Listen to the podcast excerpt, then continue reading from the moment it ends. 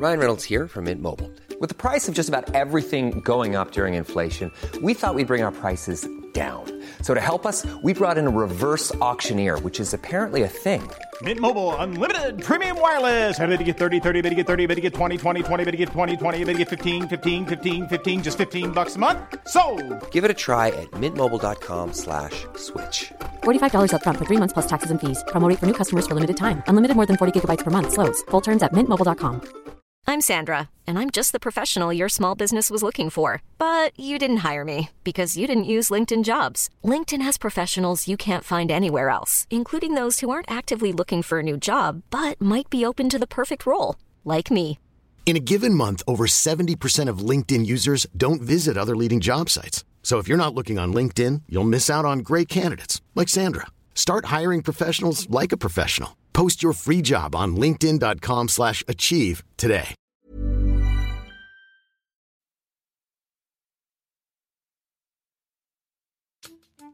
Välkommen till det 37 avsnittet av Brittas och Parisas podcast. Ja, varje vecka då om populärkultur och nyheter. Denna vecka även om kattanusmunnar, Once upon a time in Hollywood, kritiken mot den och vår kritik mot den. Och såklart ovärdiga kändisar på Instagram-bröllop. Vi myntar också begreppet full bush, full mush. Absolut. Och glöm för guds skull inte att ratea oss i era podcastappar och recensera oss så att fler hittar oss och kanske tycker att det är kul att de har gjort det. Vi tycker det är kul. Välkomna! Välkomna! Okej Britta, Ja, Parisa. jag är inte konflikträdd alls, det vet ni. Många har sagt till mig ikväll, välj dina strider. Jag, herregud. Jag väljer Gud den här. Ja, gud vad kul att du Många har sagt, du äger honom, skit i fighten. Jag tar fighten. Den här mannen, Ali Banani, inom parentes Ali Payami, är allt annat än en trevlig person. Får jag bara fråga, har han två olika namn eller är det att hon har ett smeknamn på honom? Ett och sen, otroligt kul skolgårdshån. Ja. Att han heter Ali Payami Ja. och hon döper om honom till Banani. Ali Banani. Ja. Dansgolvet dog, det var ett faktum. Jag klev in. Inte för att jag anser mig vara en super-DJ, men jag har koll på vad man ska spela för att få igång dansgolvet. Kan ändå relatera. Så kommer han, Ali Payami Ali Banani och knuffar ut mig. Han har gjort I can feel my face med The Weeknd, meddelar en ängslig medspelare. Okej, jag bakar knäckebröd. Vad har det med saken att göra? Du- Och vad har det med saken att göra att du skriver det? Nu kanske man redan anar vad det här rör sig om. Jag pratar såklart om eh, Katrin Zytomierskas väldigt uppmärksammade och väldigt väldelade, fast den togs bort från internet omedelbart. Eh, hon var på någon slags tre dagars bröllop i Madrid med Malin Gramer, en programledare på typ TV3. Gramer, ja. Gramer. Och eh, nu. hennes nya man, Karl Falk, som Mhm. är en musiker. Alltså var det de som gifte sig? De gifte sig. Jaha, det var Malin Gramers bröllop Ja. som Katrin var... Ah. Och det är Mm. så Katrin Zytomierska som har, en, som har eh, liksom hängt ut en man som är en DJ för att de hade en dispyt bakom DJ-båset. Ja, men han var väl också gäst på bröllopet om jag fattar rätt? de var båda vänner till paret och gäst på tre dagars bröllop. Där samtliga gäster kommer fortsätta hänga med varann även efter att hon har skrivit det här på Instagram. Väldigt kul tanke på hotellfrukosten dagen efter. Ja. Jag blir chockad, vad gör han? Han skickar iväg mig som en hund. Aldrig blivit så illa behandlad. Han drog på Strangers walking down the boulevard. Man bara wow. Vad ger dig rätten din jävla tönt? Och sen så kommer Katrin Zytomierskas feministuppvaknande. ja. Det var det roligaste. Ja, Sent påkommet, men du är var- välkommen. Ja, precis. Vi välkomnar alla nya medlemmar. Absolut. Eh, för att du är man, för att du har producerat några hits. Det här handlar om att jag som kvinna inte tänker låta mig förnedras av den här typen av man. Mm. Jag vägrar och hoppas att ni förestår. Sick. Ja, eh, varför jag läser upp Katrin Zytomierskas Ja, status i läser du podden. Eh, Det finns faktiskt en koppling. Eh, Jag vill inte bara få prata om det här tredagarsbröllopet för det har ju upptagit allas vår uppmärksamhet i helgen. Ja, det- alltså, in, hade ju jag kan hört inte säga... Jo, jo, jag hade, det hade absolut nått mig. Men jag, alltså, jag känner mig faktiskt ganska up to date nu. Nej men gud. Du, du kommer, Det kommer få ju det vara grejer. motbevisat. Ja. Ja, jag kommer få det motbevisat, absolut. Nej men alltså, det är just på det där, men det var ju bara för att, alltså jag följer ju inte henne, men det var ju för att eh, folk vi känner delade det. Och, upp- alltså, eh, För hon tog ju bort det väldigt snabbt. Den här DJ-dispyten i alla fall. ehm, som hon la upp, Katrin Zytomierska, fick ju mig sen att kolla upp vad det här för bröllop? Mm. Vad är det som pågår? För det här är ju inte riktigt mina, eller dina kanske, referensramar. Nej. Omedelbart. Mm. Eh, och då upptäcker jag att på det här bröllopet befinner sig bland annat Eva och Eva. Du, ja, så. Eh, då undrar man, har de varit med i Paradise Hotel? Nej, det kanske är att de jobbat med Carl Falk som är någon slags superkänd musiker som är kopplingen. No offense Malin, men Eva och Eva, den är ganska uppenbar den kopplingen. Och därtill så fick vi än en gång bevisat att att sjunga på bröllop alltid är en dålig idé. Har du gjort det här?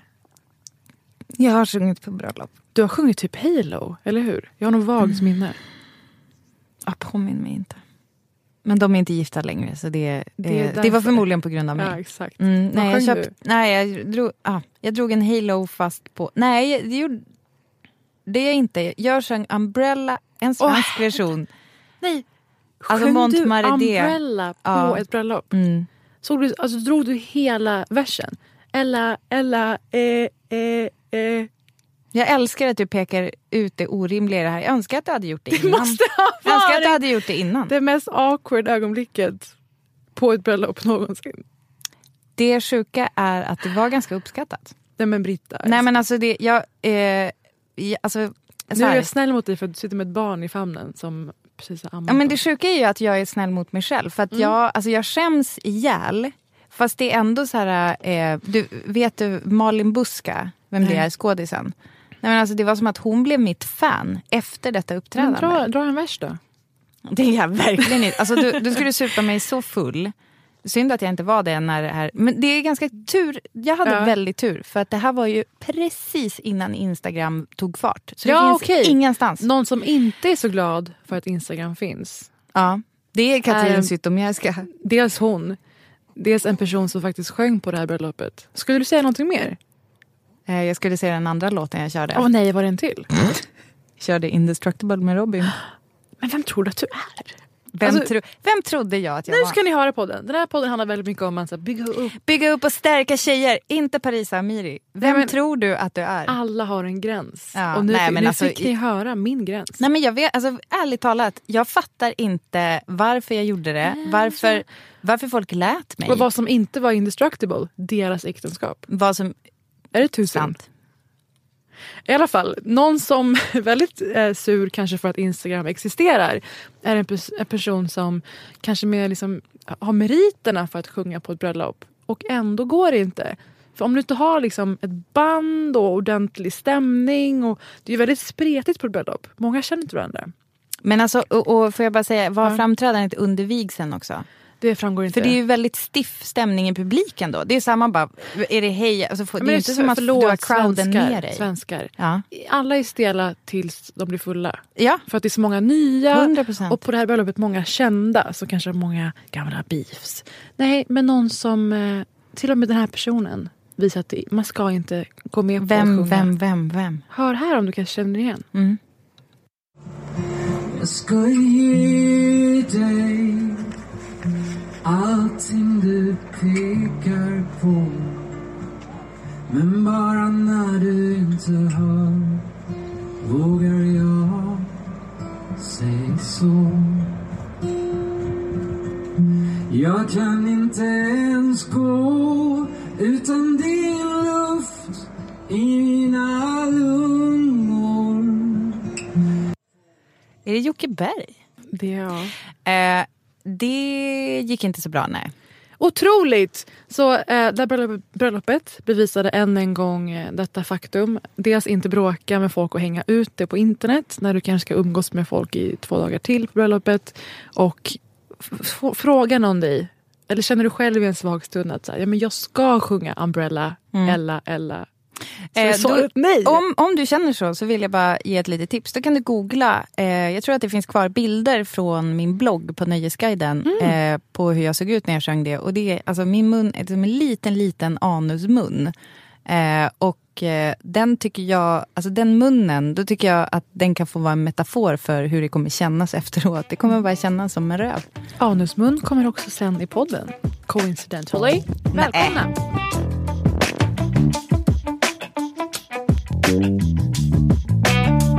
Vi brukar ju börja podden med tre lite, kortare grejer, tankar eller vad vi har konsumerat under veckan. Ehm, och jag tänkte börja med ett som direkt sparkar igång Emmy-kollen med Britta och Parisa. Ny jingel varje vecka. Mm. Nej men Emmy-galan som är denna podds kanske höjdpunkt jämte andra galor och Som barnfödslar. Absolut. Eh, kommer den 23 september. Det kommer vi göra något trevligt kring. Mm. Det kan ni lita på. Då kommer vi varje vecka, vi pratar ju ändå alltid om tv-serier, men lite mer kopplat till Emmys. Mm. Eh, nu är det så att serien som brakade hem hela 20 säsonger. Nej, vad säger? Nomineringar. Nu är det så att serien som brakade hem hela 20 nomineringar för den andra säsongen av denna storslagna serie är tillbaka med en tredje säsong. Det är den rappkäftade på 50-talets Upper West Side. Hon gick från hemmafru till topless stand-up på scen. Jo tack, vi pratar om Marvelous Mrs Maisel. Föredrog du brittisk engelska eller hade jag, borde jag kört någon slags Marvelous Mrs Maisel? Men grejen är att jag tycker att eh, så här, överklass amerikanska är ju typ, de försöker man ju likna brittisk. Så Ja. jag tycker det funkar ganska bra på Upper West Ja, men tack, vad bra. Jo, Side, jag snackar såklart om att det har kommit en trailer och ett nytt datum för nya säsongen. Halloj. Har du nåtts av det här på internet? Nix. För jag älskar att vi är lite, alltså vi har ju några, ett gäng nu under vårt bälte som Mm. vi liksom har ciceronat till folk. Det är ju Fleabag Mm. och det är Years and Years. Men serier som får koppla ihop med oss för att vi har tjatat. Mm. Egentligen. Och detta är också ett eh, ständigt tjat. Ehm, Minns gärna att jag tittade på säsong två hela säsongen Mm. innan jag förstod att jag inte hade sett säsong ett. Eh, det hände medan jag var gravid, absolut. Eh, så det, det, jag kan inte, inte rekommendera det. Alltså jag blev varm inombords. och för då var jag ändå andra säsongen inte ens i närheten av hur storslagen första var. Det kanske du inte... Liksom, Nej, fast man ser ju, ja, precis, men storslagenhet, alltså budgetmässigt Mm. så är det ju liksom fläskigare i säsong två. Ah. Och hoppas vi lite på säsong tre då? Vad kan vi se fram emot tror Säsong tre kommer innehålla en internationell turné bland annat. Och en gästroll av Sterling K. Brown. Alltså Oh! kladdigt älskade från This is us. Eller vill du säga något mer? Nej, men nej, jag ville säga, oh, Oh, och så höll du för munnen. ja, nej men alltså det är, oh, Men den, starkt. den 6 december bär det alltså av. An unmarried woman will take the pill so she can have as much sex as she wants, and a married woman will just have a headache and call it a night. Och eh, hörde jag specialavsnitt av Britta och Parisa? Ja, Tyckte jag hörde någon i absolut, korridoren. Absolut. Eller? Va? Hörde du också? Köp aktier i Britta och Parisa, vi kör ett specialavsnitt av Marvelous Mrs Maisel. Vi gör det bara! Mm. Vad bra. Vi gör det. Vi hörs då. Ska jag är inte klar. Jo, undergången närmar sig ju som bekant. Eller ljusningen. Jag pratar alltså inte om klimatkrisen nu. Utan jag pratar om att jag längtar så mycket efter peak TV. Post peak TV, Britta. Kan du tänka dig allt vi kommer ägna oss åt då? Alltså Spri- postpiken. Post-peaken. Vi kommer springa hand i hand i skogarna, nakna. Vi kommer sitta med speglar fram- framför våra underliv, lära känna oss själva bättre. gjorde jag för tre veckor sedan. Födde barn då, Ev? Ja, det är, alltså, det är de. de. De kommer med en spegel efteråt. Ja, Ja, vi, Efteråt? Jajamän. De bara, det här är du nu. men vet du vad det sjuka är? Så här det går till på Vet du vad det sjuka är? De bara så här, vi har en uppdatering till dig. Ja. Nu när du har morfin i dig. Jajamän. Passar vi på att slänga fram Ingen en morfin. spegel. Nej, men det, de bara, det, alltså jag lovar dig, det är inte så illa som du tror. Och så tittar man och så är det inte det. Alltså, pussy got power. Alltså det är helt sjukt vad den gör. Och jag, jag, blir, nej, jag blir rörd nu när jag tänker på vad den, vad den får genom, genomlida. Och ändå looking fresh as a little rosebud direkt efteråt. Jag har känt varma känslor för vad din pung får genomlida Ja. sen eh, åtta år tillbaka. Åtta, åtta år. Vad, vad kan jag syfta på? Det är tio år. Ett visst tioårsjubileum med en viss man. I alla fall, nu befinner vi oss i mitt... Nu skrattar du. Vad vet, vad, vad vet du om det? Det är också kul. Ja. Jag kan, jag kan se med mina ögon. Ja. Vi befinner oss ju mitt i peak TV skulle många hävda. Alltså kulminationen av att vrida ur tv-trendtrasan. Det är konstanta nya revivals, reboots, det är nya streamingtjänster och det kommer vi till. Denna vecka så är ju mästerregissören David Finchers nya Mindhunter ute. Eh, och eh, det kommer nyhet om att Meryl Streep ska göra en grej med Steven Soderbergh till nya, HBOs nya förgrening, HBO Max. Oj. Eh, och det här är ju det här är vi tacksamma för. Det här är ju välproducerade saker som har fått ta tid med otroliga talanger. Ehm, men allt annat då? Alla gamla koncept och havsverk som ska ösas ut. Och alltså, inte ens jag känner att jag hänger med riktigt. Och något som måste symbolisera Peak TV är ju lanseringen av både Disneys och Apples kommande streaminggiganter. Det här har vi ju nämnt förut i podden. Jag har också skrivit om det här, den här frågan för Ikon där jag är kulturredaktör om så här, politiken och pengarna bakom mer. Eh, väldigt kul ämne tycker jag. Men varför aktuellt just den här veckan är för att trailern har kommit för den kommande första produktionen från Apple TV-tjänsten. Alltså Apple Plus, Apple TV Plus. Har du hört om det här? Om deras Den- den streamingtjänst nya- eller den nya den nya trailern? serien. Jag har inte sett. Nej. Jo tack. Det är alltså dags för Jennifer Aniston att kliva tillbaka till se- tv-serieformatet. Tillsammans med Reese Witherspoon och Steve Carell. Oho. Oho. Känner ändå inte så starkt, eller? Jo, det är starkt. Hur känner du för eh, temat? Eh, serien kommer att heta The Morning Show. Vi bjuds in i kontroverserna och rivaliteterna bakom polerad morgon-tv. Nej men gud vad roligt. Alltså, eh, svensk tv försökte ju med det här med morgonsoffan. Kommer du ihåg det? Actual-programmet, ja. Det var, bra, det var bra drama. Ja men alltså, nej men alltså eh, parodin som Jaha. hette Morgonsoffan. Alltså Ja, men Morgonsoffan finns det ju ingen som Gustafsson, heter. typ. Ja men Petra Mede. Alltså det, det var en, det här är så långt bak i huvudet men det flög ju aldrig riktigt. Nej. Men man fattar ju, man bara, bra idé. Men som vanligt i Sverige kan det kanske vara så, inte så stark på manussidan. Nej, just det. I said it. Och det här Eh, liknar ju lite ja, men det här liknar lite spegelversionen av Emma Thompson och Mindy Kalings Mm. kommande film Late Night.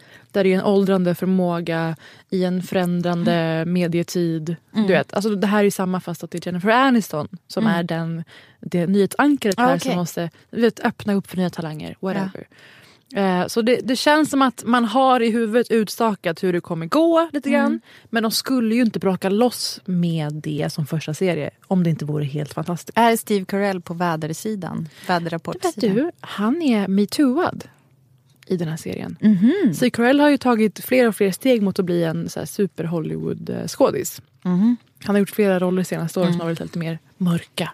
Och det här är väl ännu ett steg åt det hållet tror jag. Så det det är jag peppad på, absolut. She's throwing me under the bus. Mitch Kessler, my co host and partner of 15 years, was fired today. Watching a beloved woman's breakdown is timeless American entertainment. I just need to be able to control the narrative so that I'm not written out of it. Lite orolig för eh, ämnet. Nej, jag tycker, eh, jag tycker ämnet känns toppen. Det rymmer så mycket. Varför jag frågar om Steve Carell var på vädersidan är såklart en liten blinkning till hans roll i Anchorman.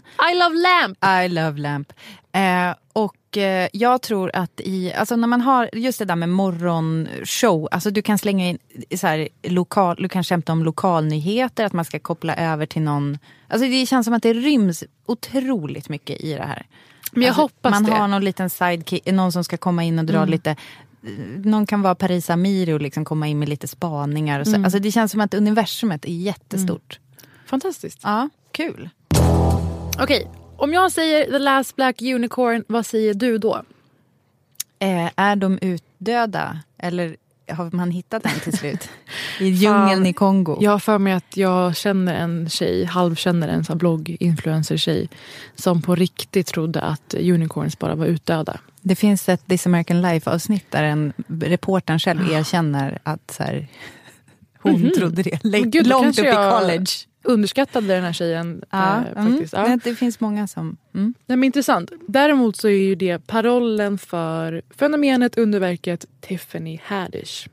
Och också titeln på hennes otroliga bok Jaha. som jag ju läste och slukade om hela hennes uppväxt och uppkomst. ehm, från liksom de fattigare områdena runt Los Angeles växt upp på olika fosterhem med övergrepp och våld och eh, mycket hemskheter. Mm. Och sen blivit den här eh, otroligt karismatiska, älskvärda personen som nu tar världen med storm. Och som en del av det här så är hon ute och eh, revolutionerar nästan eh, tv-special-formatet. Alltså Netflix har ju nu till leda, de gör ju specials med allt och alla. Mm. Jag tror att ett år till så gör de en med dig och mig. Ge det ett år. Ge det ett år och då vet vi att det är kört för Netflix. då har de ju slut på alla idéer. Alltså när ni ser oss där, då menar du att Netflix är liksom på, på dekis? Ja. Eller på ner, neråtgång? Då har de helt slut på uppslag. vet då har Eddie Murphy gjort betyder. tre. Och ni vet ju att Dave Chappelle kommer med ännu en Netflix eh, komedispecial slutet av veckan. Ser du pirrig jag är? jag ser. Jag är så svag för Dave Chappelle och jag är också svag för Tiffany Haddish. Så jag slog på det här och det hon har gjort som är så nytt då är att hon använder sin plattform för att lyfta fram andra komiker. Och varenda komiker betonar det. Att Tiffany vid någon tidpunkt där de båda var stand-ups på någon klubb och kämpade på varje vecka sa att jag ska gå och bli känd och jag kommer ta dig med mig. Ja, okej. Det är ju svinmysigt. Ja, men, Jag har den här planen. ja, men, men också You're så att när hon började with. få roller och sånt. Att säga, I'm coming back for you. Ja. Så. Eh, och nu gör hon det. Uteslutande ehm, Alltså så kallade- sätter på sig själv syrgasmasken men sen så att hon kan hjälpa någon annan. Absolut. Mm.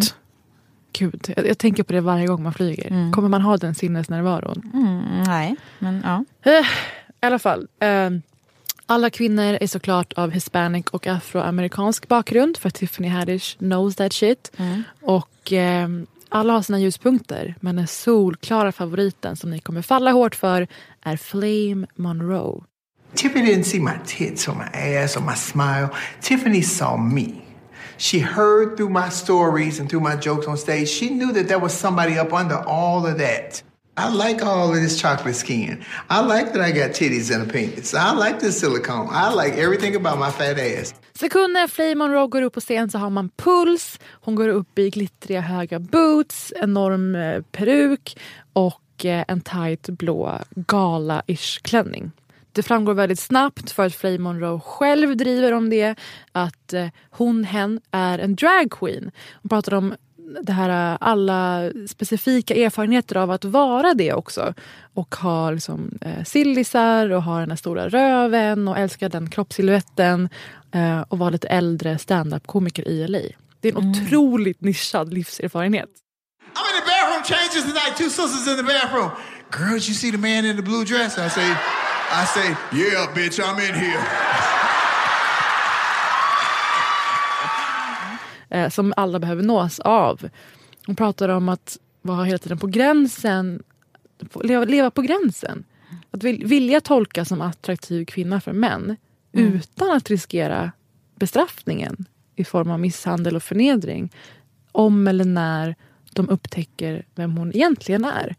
Och det vet vi ju att eh, det, har ju eskalerat våldet mot eh, transkvinnor, transpersoner överlag i USA och speciellt då eh, rasifierade, alltså women of color. Eh, så det är otroligt starkt och som sagt hög energi från början till slut och ni kommer falla hårt för henne. Pratar om att ha tre barn som transperson och allt med otrolig självdistans. Så eh, Tiff- Tiffany Haddish, jag tror att se- serien, eller serien stand-up specialer heter They Ready. Och eh, ni kommer säkert hitta massa andra favoriter också. Det är typ sex stycken. Kommer du se det här? Ja, Eller hur? Unna Ja. dig. Netflix alltså. Netflix. Amy Poehler, Mhm. eller ska vi säga, alltså om man uttalar som Goethe skulle man ju uttala det som Amy Pöhler. Det är såna eh, bryderier man nås av i den här podden. Ja. Eh, Amy Poehler, Alicia Keys och Märta Tikkanen, vad har de gemensamt? Undrar du nu. Ja, det tänkte jag berätta för dig. Eh, vi vet, Amy Poehler tjatar vi ju öronen av er om. Alicia Keys tror jag säkerligen ni känner till. R&B drottning får man väl ändå säga. Absolut. Sen sent 90-tal.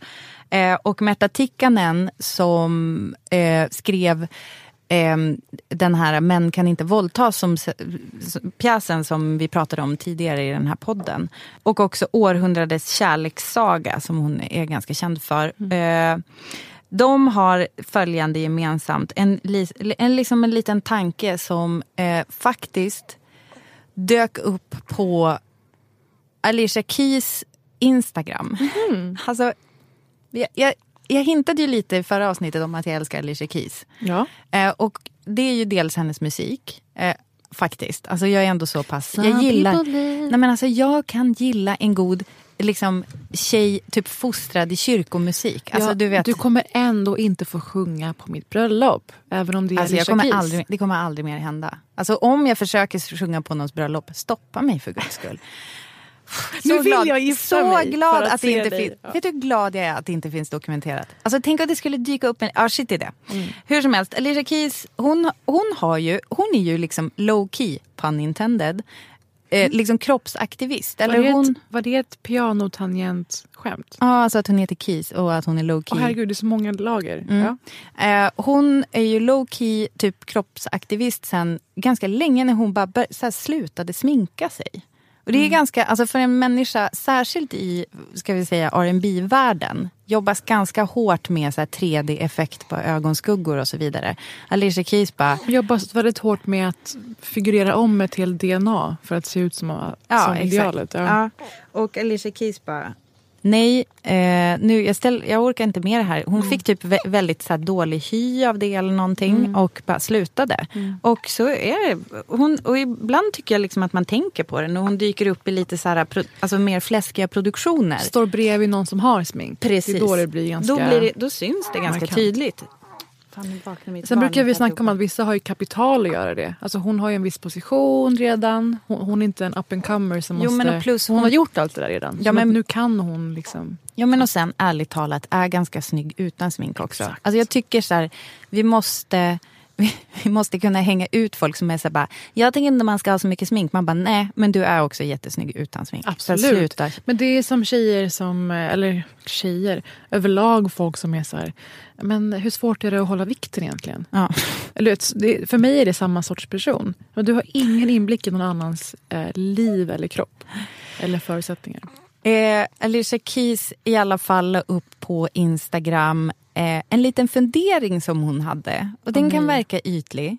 Nej men den kan verka ytlig. Men den har ändå Man något. blir ju rädd när vissa kändisar ska tänka högt. Ja. Hon har ju en viss närhet till flum.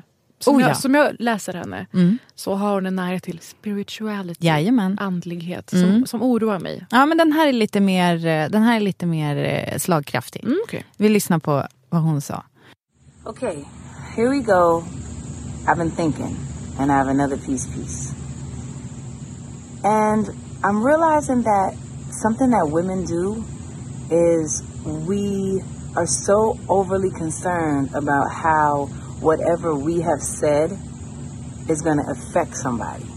Like we get all into like, oh, I didn't mean to be mean, but oh, I hope that didn't come off wrong, but I wasn't trying to be a bitch, but it's like, what is the matter with us with that? Do you think any man spends one second saying, oh, did I sound like a dick? I don't feel like anybody except women go through this thing where we're actually apologizing for being assertive or apologizing for being clear about what we think and saying, I don't like that. Jag tycker ändå ganska väl rutet av Alicia Keys. Alltså jag tänker också så här, många av hennes följare behöver höra det. Och jag känner också att det är kanske lite återkommande att jag är ju en sån som typ behöver höra sånt här. Eh, att inte hålla på och ursäkta mig hela tiden. Och eh, då tycker jag att det är ganska tydligt att knyta an till var Amy Poehler kommer in i bilden. För det tog ju du upp som ett citat ur Bossy Pants för eh, inte så länge sedan i den här podden. När eh, Jimmy Fallon säger, när typ Amy håller på att tramsa runt med någonting och Jimmy Fallon kommer in, alltså där är på SNL-tiden och han bara, "Öh, typ, it's not cute, I don't like it. Och hon bara, I don't fucking care if you like it. Eh, och det är, alltså jag tycker att det är ett citat att liksom leva efter, Mm. skulle jag vilja säga. Alltså, I don't fucking care if you like it. Eh, Jag är inte här för att behaga. Eller PS, det är jag ju. Men jag försöker lära mig att inte vara det. Var kommer då Märta Tikkanen in? Jo, Märta Tikkanen har idag när vi spelar in den här podden eh, släppt eh, en bok som heter Jag måste försöka skri. Eh, alltså avbruten mitt i. Genial titel tycker jag.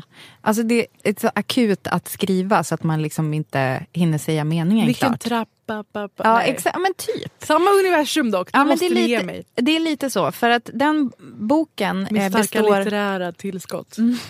Den boken består av en samling brev, korrespondens är väl lämpligt att kalla det för, mellan henne och hennes polare Åsa Moberg. Jo, jag tackar jag. Eh, och Birgitta Stenberg. Eh, de är kompisar sedan 70-tal som jag fattar det. Och eh, Märta Tikkanen berättar i, hon intervjuades i P1 Kultur om det här, att eh, ibland, de kunde liksom prata på telefon och det blev så akut. Alltså de bara, nej, nej, nej, jag måste skriva ner det här istället. För att de hade så intressanta samtal och så här. Det låter fruktansvärt kul tycker jag. Alltså jag blir väldigt peppad att läsa den här boken. Ehm, men det som jag tänkte ta upp nu det är att hon i den här intervjun eh, så får hon frågan om, för att det är i vissa sammanhang när hon kanske är lite missunnsam på någon som har typ fått någon utmärkelse eller ett, ett pris. Som På hon... tiden. Ja, eller hur? Alltså Norén och allihopa, Lundell allihopa, deras jävla anteckningsböcker och dagböcker och Knausgård. Där de får vara de här tredimensionella som också visar upp sina illaluktande sunkiga sidor. Och bara läste en recension av X idag. Hatar när han får fem plus. Det är intressant att du tar upp de där personerna. För jag undrar om de skulle få följdfrågan på det här som Märta Tikkanen får. Nämligen detta. Och liksom det finns nog både avundsjuka och missunnsamhet och elakhet och skadeglädje när det gick illa för ibland och allt möjligt sånt här som man ju inte så gärna vill skylta med helt enkelt. Men nu kommer det ju ut en del av det i, i breven. Jo, men du vet att nu har det ju gått 40-50, inte vet jag hur många år, alltså ett antal decennier. Så att eh, det är klart att nu tror jag att där är någon annan som inte alls gillar vad där står, men, men jag menar så what? Alltså, lay it down. Märta Tikkanen bryr sig inte.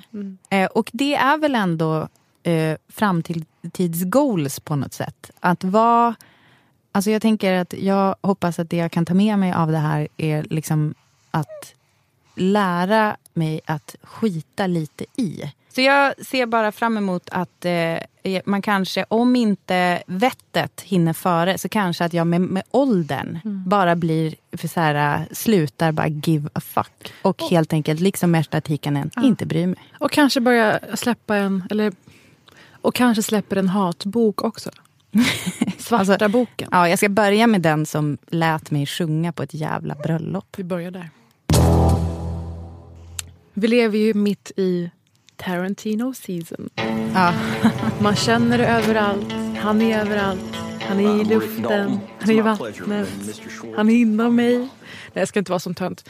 Eh, Quentin Tarantino har släppt sin nionde film av vad som ska bli totalt tio. När han häromdagen var på besök på självaste Kremlin. I, eh, nu uttalade jag det som Ja, Gremlins. va- ja. På självaste Kremlin i Ryssland. Ja. Eh, Han fick en rundtur av den väldigt välkänt anti-Hollywoodianska kulturministern där. Eh, Han fick en rundtur på Kremlin och ställde frågor som kan man, hur, vem måste man vara för att få begravas här?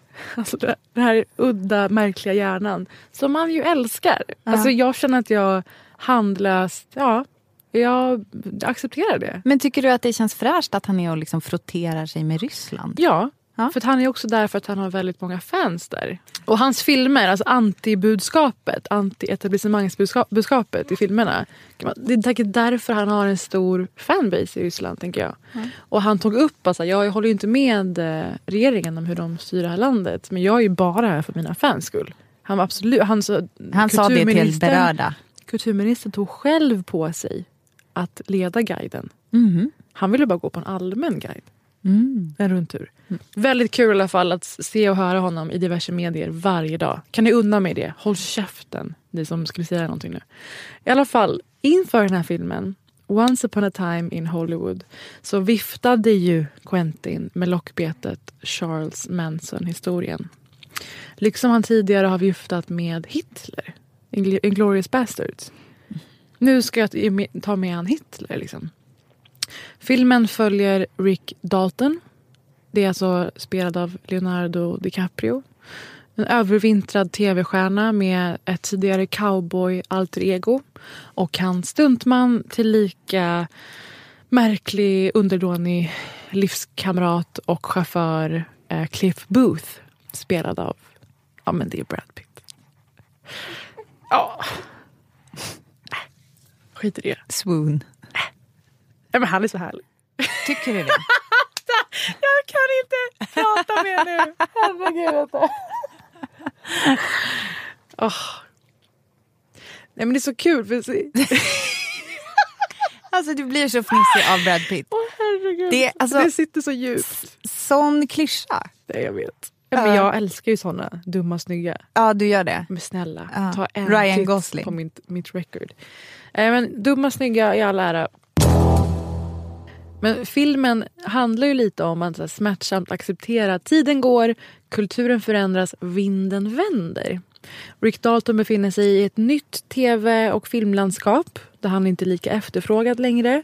Ehm, det är hippie-eran har inträtt. Han ombeds, ombeds att liksom, klä ut sig nästan hippieaktigt på en inspelning och ta illa vid sig. These fucking hippies liksom. Ehm, och då kände jag lite grann att det kanske så Quentin kanske känner inför hur tv och filmlandskapet yttrar sig nu. Även om hans ju maktposition är mycket intakt. Det måste man slå fast nu. Den här filmen kommer bli hans bäst säljande antagligen eh, någonsin. Ehm, Brad Pitt med Cliff Booth.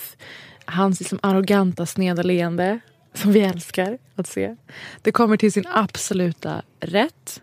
Han har en otrolig no fucks given aura, Brad Pitt. Vare sig det är i Oceans Eleven eller vad fan det är. En smidig person. Till och med i Seven, What's in the box. Smidig. Ehm, också godkänt, absolut, när han står och rycker av sig tröjan på ett hustak i Hollywood Hills. Han kan fortfarande göra det. Lite mer hängiga underarmar. Vad Jaså? ska man göra? Det är, det är body positivity, kan vi säga. Vi följer med eh, Roman Polanski, ju, som vi vet enligt historien är eh, äkta mannen till eh, Sharon Tate, skådespelerskan som blev brutalt mördad, höggravid, av Charles Mansons hejdukar där uppe i Hollywood Hills. Och det, är, och det är Margot Robbie som spelar Sharon Tate. Det är också väldigt välkänt. Vi följer med Roman Polanski och Margot Robbie till eh, Playboy Mansion. Eh, Men man förväntar sig då snusk och sunk. Galor. Mm. Alltså när jag såg framför mig att han ska ta sig an sommaren 69 i Hollywood Hills. Ja, men jag, Särskilt när Roman Polanski är inblandad också. då tänker jag nu blir det grupp Som är sex, nu blir det våldtäkt. svett, nu blir det Kubrick, nu blir det grovt. Liksom. Nu blir Ja. det gamla goda Quentin. Han gick ju loss där lite grann på cowboy-tema i några år. Du Django Unchained, Hateful Ja. Eight och eh, det finns också en cowboy-ådra i den här filmen. Han gillar den skiten. Eh, men vi följer med i alla fall till Playboy Mansion och man bara nu är det fan, nu är det Ice Wide Shut öppningsscenen. Nu är det en, en steadicam genom orgis och knark och liksom eh, sjuk, sjukligheter. Said, God damn! God damn! Det avtecknas som ett sedligt dagiskalas med dansring i princip. Va? Eh, Quentin Tarantino gjorde en dansring av The Playboy Mansion. Men vill han liksom tvätta Playboy Mansion eller? Eh, Alltså förstår du? Ja. Jag menar, eh, tölpwashing, Ja, Fredrik Virtanen, fast Playboy Mansion. Eh, Det men var inte jag så reagerade på det. Jag tänkte men det här är bara början. För det här är början av filmen. Det Ja. kanske kommer snart tänkte jag. Satt där och var liksom på the edge of my seat. Väldigt Ja. redo för den liksom fullkroppsliga chocken som en Tarantino-film ska innebära. Mm. Hela tiden så väntade jag på tillhörande svärta. Alltså jag vill ha Chateau Marmont-dekadensen. Mm. Någon har legat i eget kiss i fem dagar och Mm. skiter i det så länge det finns koks. Alltså jag väntade verkligen på smutset. Mm. Klassisk Chateau Marmont-upplevelse. Ja, äh, jag ska dit snart inget. Jag ska dit nu. Ja, du ska Skit ju i till det. LA. Ja. Skit i det. I alla fall, Mia Wallace på samma gång kokaindammiga och nedblodade näsa. Mm. Kommer vi få återse något sånt? Alltså inte ens håret. Inte ens det buskiga håret på Mansons hippietjejers ben fick vara kvar. Mhm. Alla som har satt sig in i Manson-fallet vilket jag tror väldigt många har. Det finns dokumentärer nu på SVT Play, Sveriges Radio, det finns massa filmer och böcker. Ehm, det är, de här bilderna är väldigt välkända. Man ser dem i eh, rättssalen. De är orakade, obrydda, väldigt långt hår. Full det är bush. musche, det är alltid full bush. Antagligen förmodad full, Full bush. bush, full mush. Absolut. Eh, Men så här i Instagramtider så får vi en utsmoothad version i princip. Det bjuds på en hårig armhåla på en typiskt minderårig sexy baby i korta, en kort jeanstrosa. Ehm, och då känner jag så här, okej men det är bara början. Det kanske tar fart snart. Leonardo DiCaprio får ett eh, utbrott i en husvagn som närmar sig den där Tarantino-esk känslan. Alltså irrationell, adrenalinstinn, udda, manisk. Tänkte nu händer det. Nu brakar det loss. Eh, nej, jag landar i att det var väldigt blekt på den fronten. Eh, det var minst våld och blod i en Tarantino-film hittills. Om det är ett, eh, ett mått hur ska jag gå efter, vilket jag tycker vi ska. Um, alltså May- Mayhem-sekvenserna finns ju där och då går han verkligen loss. Mm. Ehm, och då applåderade jag och skrattade som alla andra i salongen. Um, men Tara lyckas, han lyckas ändå hålla sig på rätt gräns av att bara referera till händelser och eror. Um, alltså, rätt gräns är då att kommentera och spela på det. Att hela tiden så här, parodisera den tiden och hur ihålig filmindustrin är. Men jag saknade det som är hans känsla av att se hans filmer. Nu kommer man tas på en sjuk resa. Det var det jag var beredd på. Men tänker du, alltså, säger inte det någonting då om hans eh, typ kvinnosyn? Liksom? Att, han inte tycker, alltså, att han har censurerat hela den här eh, grejen som faktiskt var. Alltså, det är ju faktiskt historieförfalskning då, Men det måste jag- man ju säga. Att de inte har fått vara så full on hippie som de faktiskt var. Alltså om det säger mer om han, att han typ tycker så här, att det, det är där, han har varit där och airbrushat lite i historien. Eller? Ja, men det är också det som är hans signum. Nu kommer vi till det. Alltså hans tradition av historierevision. Som sagt, att Inglourious Basterds flimade Hitler och company. Att det inte slutade som andra världskriget faktiskt slutade. Mm. Man vet ju om att han har den friheten och att han njuter av att ta historiska händelser Och och, göra med om dem. Mixa Mm. om dem i sitt huvud med sina egna referenser. Mm. Det var också jag beredd på. Så när jag fick veta att det var Manson-fallet tänkte jag, hur ska han vrida det här då? Mm. Och det var ju det som var intressant. Och sen det här att han, eh, till exempel Brad Pitt blir erbjuden en avsugning i en bil vid ett tillfälle. Mm. Och då efterfrågar han tjejens lägg. Och det ska Nämen. på något sätt visa på vilken hederlig snubbe Brad Pitts karaktär är. Och jag känner att är det här det sämsta utfallet av metoo? Ja. För alltså, den här filmen ska ju spegla en era, en tid av sexuell Ja, frilevelse och av Ja. total gränslöshet. Och där man inte var brydd om såna här grejer.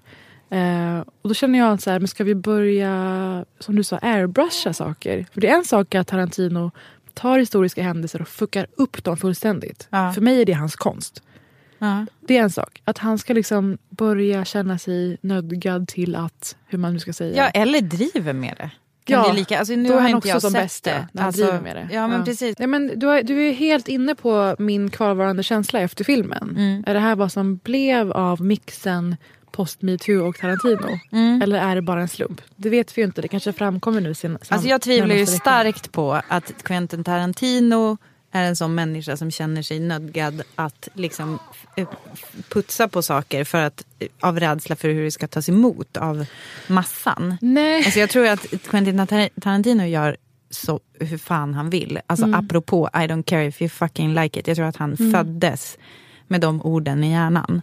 Men sen så, eh, så kan det ju vara så att han, ehm, att det är eget tycke Mm. och smak. Alltså att han inte gillar full, full bush, full mush. Mm.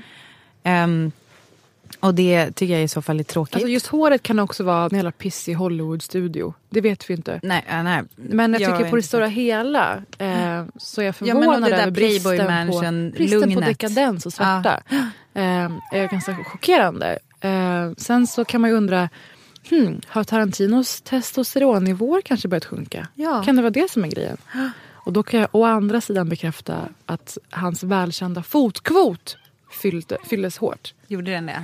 Eh, Wiki Feet jublar med andra. Exakt. Mm. Den här podden har ju en historia av en röd tråd vad gäller fotfetisch. Mm. Vi är liksom förföljda och förhärligade av olika fotentusiaster på internet, både jag och Britta. Hej på er om ni lyssnar. Och det är väldigt uppmärksammat att Quentin har med fötter i förgrunden, inzoomade. Och det är alltså för oss ofotsugna, som jag vågar säga att vi båda ändå är, Mm. omotiverat mycket. Han Okej. kanske vägde upp eh, med det helt enkelt. Eh, och sen ska man säga att Tarantino har fått mycket kritik för den här filmen. Han har alltså, han har absolut inte gjort någon ehm, väldigt ursäktande feg film på så sätt. Han har fått skit för att eh, Sharon Tate-karaktären, alltså spelad av Margot Robbie, Mm. som många trodde att filmen skulle handla om och därför kanske blev förvånade. Det är ju en Tarantino-film som sagt. Mm. Den tar sina egna vägar genom historien. Ehm, att hon inte hade tillräckligt mycket repliker tyckte de. I'm Sharon Tate. I'm in the movie. You're in this? That's me. I play Miss Carlson, the klutz. Och det orkar inte jag ens svara på. Nej men nej, jo. För det finns ju vill massa andra kvinnor, alltså andra det finns ju andra Dunham kvinnliga är karaktärer som, ja men hon har ingen jätteroll. Nej. Absolut inte. Men däremot hippietjejerna är ju väldigt, har ju väldigt starkt avtryck tycker jag på historien. Och är Ja. liksom eh, intressanta, kufiga karaktärer. Um, Sharon Tate målas ju upp som någon slags eh, eh, ängel. Hon hade liksom gruppsex och knark, eh, orgis och allt möjligt. Det hade man ju velat se snarare. Så skiter jag i hur mycket taltid hon får. Man kan nog ändå som skådis vara aktiv och få mycket utrymme. För det är mycket scener med henne.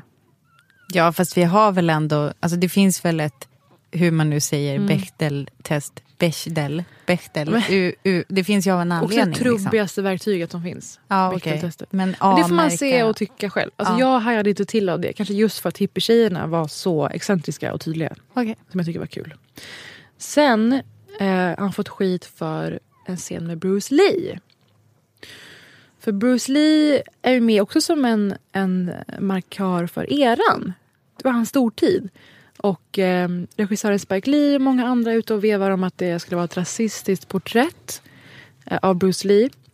Och då var jag inställd på att det skulle vara du vet, en sån här eh, ful eh, nidbild. En sån här töntig dialekt. Att det skulle vara såna saker.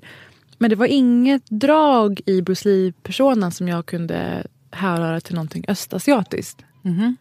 Vad, hur är hans karaktär? Han är absolut arrogant och stöddig. Pratar om sina händer som lethal weapons. Och det är väl också den personen som Bruce Lee hade. Att hans händer är leth- är lethal weapons. Ja. Och det var en väldigt kort scen. Så jag liksom förstår inte hur man lyckades uppamma någon slags irritation över eh, porträttet. Så det, eh, det var min lilla tanke om det. Eh, däremot, vad hände med folkets raseri över Steve McQueen? Du nämnde en viss munform tidigare i podden. Anusmunnen. Och finns det någon tv-series skådespelare som du tänker på när du tänker på kattanusmunnen specifikt? Nej men nu har ju du sagt... Eh, nej, men, nej men alltså jag tänker på att USAs president ju har den. Han har den. Nej, men han vad- har, en nej? Trump Nej. har mer inflammerat, eh, inflammerad... Anus. Vad heter de här grejerna som hänger ut? Eh, hemorrojd? Alltså Trump har mer inflammerad hemorrojdmun. En kattanusmun har väldigt snipig, tight yta. Jämn. Mm. Jag vet, jag känner till den eftersom den satt i mitt ansikte ett tag. Just. Eh, nej, men den jag pratar om är eh, Homelands Brody. Som de flesta känner till. Ah. Ur kattanusmunnen på tv. Mhm. Och han, alltså Damien Lewis, skådisen, spelar här en Steve McQueen som är en så pissig karaktär. Pissigt sammansatt karaktär. Mhm. En sån torr mopp på huvudet med genomlysning bakifrån. Det, alltså det är det mesta Madame Tussauds jag har sett i en Tarantino-film. Åh nej! Jo, kaos. Alltså Jag han är, hans, hans kostymen är dålig. Liksom. Och hela hans framförande. Åh nej. Det är verkligen parodi. Satirperson. En annan dock lysande som är med, hoppar in, är stjärnan från senaste Stranger Things. Har du sett senaste säsongen? Mm. Ska du säga Maya Hawke nu? Jag ska säga Maya Hawke. Ja, och vet Tycker du, vad du inte det? vet du vad det sjuka är? Alltså jag tänkte på henne idag. För att jag tänkte så här, jag fick reda på att hon hette Maya Hawke och så jag bara, ah, så ser hon ut som Uma Thurman. Jo, och det är, det är ju deras barn. Det är ju deras barn. Det är Ethan Hawkes barn och Uma Thurmans barn. Otrolig Så Quentin kombo. Tarantino har gått på nästa generation alltså? Men hur, man är ju trött på, för nu är vi generationen där alla de här sexiga från 90-talet har fått barn med varandra Mm. och de ska nu ut i industrin. Japp. Um, ni vet Johnny Depp och hans uh, li, Paradiso. Paradis, ja. Deras dotter är någon slags Instagram-stjärna, jättevacker. Det här alien-fian som man ska ha nu för tiden. Ja, och för att inte säga Baldwin-barnet. Ja, hela gänget. Så när man läste så här, ja men deras dotter ska vara med i Stranger Things så var det så här, "Ha, nu kommer en till liksom doe-eyed magisk hon, varelse." är, hon är ju behållningen i säsong två. Hon är behållningen. Vänta, säsong tre. Jag har ingen aning. Tre. Tappat. Men och det roliga var, jag måste bara flika in att inte bara tycker vi om utan också min bonusson tyckte att hon var liksom den absolut bästa i eh, Stranger Things. Alltså hon, har, alltså, hon är liksom Mm. Cool magisk. Ingen närvaro. kan, ingen kan blunda för henne. Cool närvaro, otroligt så här, rolig, skarp. Man märker att hon har en egen person, personlighet Mm. som läcker igenom. Och det gör den även här, i en helt annorlunda karaktär. Eh, jättekul att se henne blänka till i de scenerna. Eh, Luke Perry är också omtalad såklart. Hans sista filmroll blev det ju såklart. Eh, med hans medverkan. Rest in peace. Rest in power. Eh, överlag så är jag överlycklig över att det kom en ny Tarantino-film. Sen saknar jag det som är hela hans udd och nerv och det här maniska, liksom helt ur, utomvärldsliga. Och att gå ut och känna sig överkörd av intryck och tankeväckande vändningar. Jag ska vara helt ärlig med det. Så det här har varit en spoilerfri recension. Men med väldigt många känslor och tankar. Och en del pauser för när eh, liksom, eh, ruset tänder till. När Men- blodet rinner ner. När blodet rinner ner. ner. Eh, när du ser Brad, Brad Pitt. Så återkom när ni har sett filmen, om ni håller med. Om ni tycker att jag är för hård. Hans tionde och sista film utlovar han kommer vara som en epilog. Alltså på något sätt inkapsla alla de, all, all den tematik som han har berört genom de här otroliga åren. Alltså som liksom berör alla filmerna på något sätt. Jag kan tänka mig bara genom eh, berättandet eller historien eller stilen. Alltså inte uttryckligen att det kommer in karaktärer från alla håll. Alltså ingen så Avengers. Nej, men nej. Kul dock tanke. Ja. Alltså en film som rymmer alla karaktärer. Och förhoppningsvis inte ännu en cowboyfilm. Kan vi inte släppa det nu? Jag är inte klar med cowboy. Jaha ja. Men du är ihop med en cowboy dock. Så sexy. Han är ganska het. Okej, nu har ditt barn däckat. Efter Till slut. inspelningen. Mm. Hur ska du fira? Jag, jag, ska fira, jag ska fira genom att gå hem och sen ska jag fortsätta titta på tv-serien This is us som jag har börjat klämma nu i eder tjänst för Emmy-kollen med Britta och Parisa. Måste ju täcka samtliga Emmy-nominerade. Eh, och eh, hittills ljumna känslor kring det här. Men det kan plocka upp. Minus Milo, Ventimiglia. Han gör sin sämsta roll ändå. Ja, faktiskt. Och ändå är det typ USAs största serie. Kul tycker vi. Mm. Vi har tid fram till 23 september när det är Emmy-galan och vi spenderar den. Nej, man säger inte så. Vi tillbringar Ja, bra, den tiden Parisa. med er. Rätt ska Mm. det vara. Så vi hörs nästa vecka och vi finns såklart på Britta och Parisa på Instagram. I er tjänst. Ha det bra, följ oss där. Puss och kram. Puss,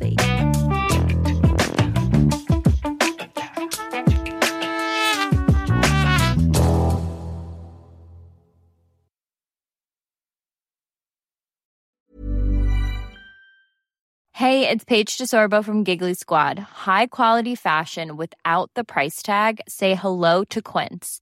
I'm snagging high-end essentials like cozy cashmere sweaters, sleek leather jackets, fine jewelry, and so much more. With Quince being 50 to 80% less than similar brands.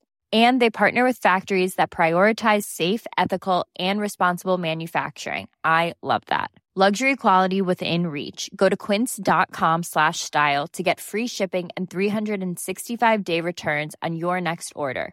Quince.com slash style.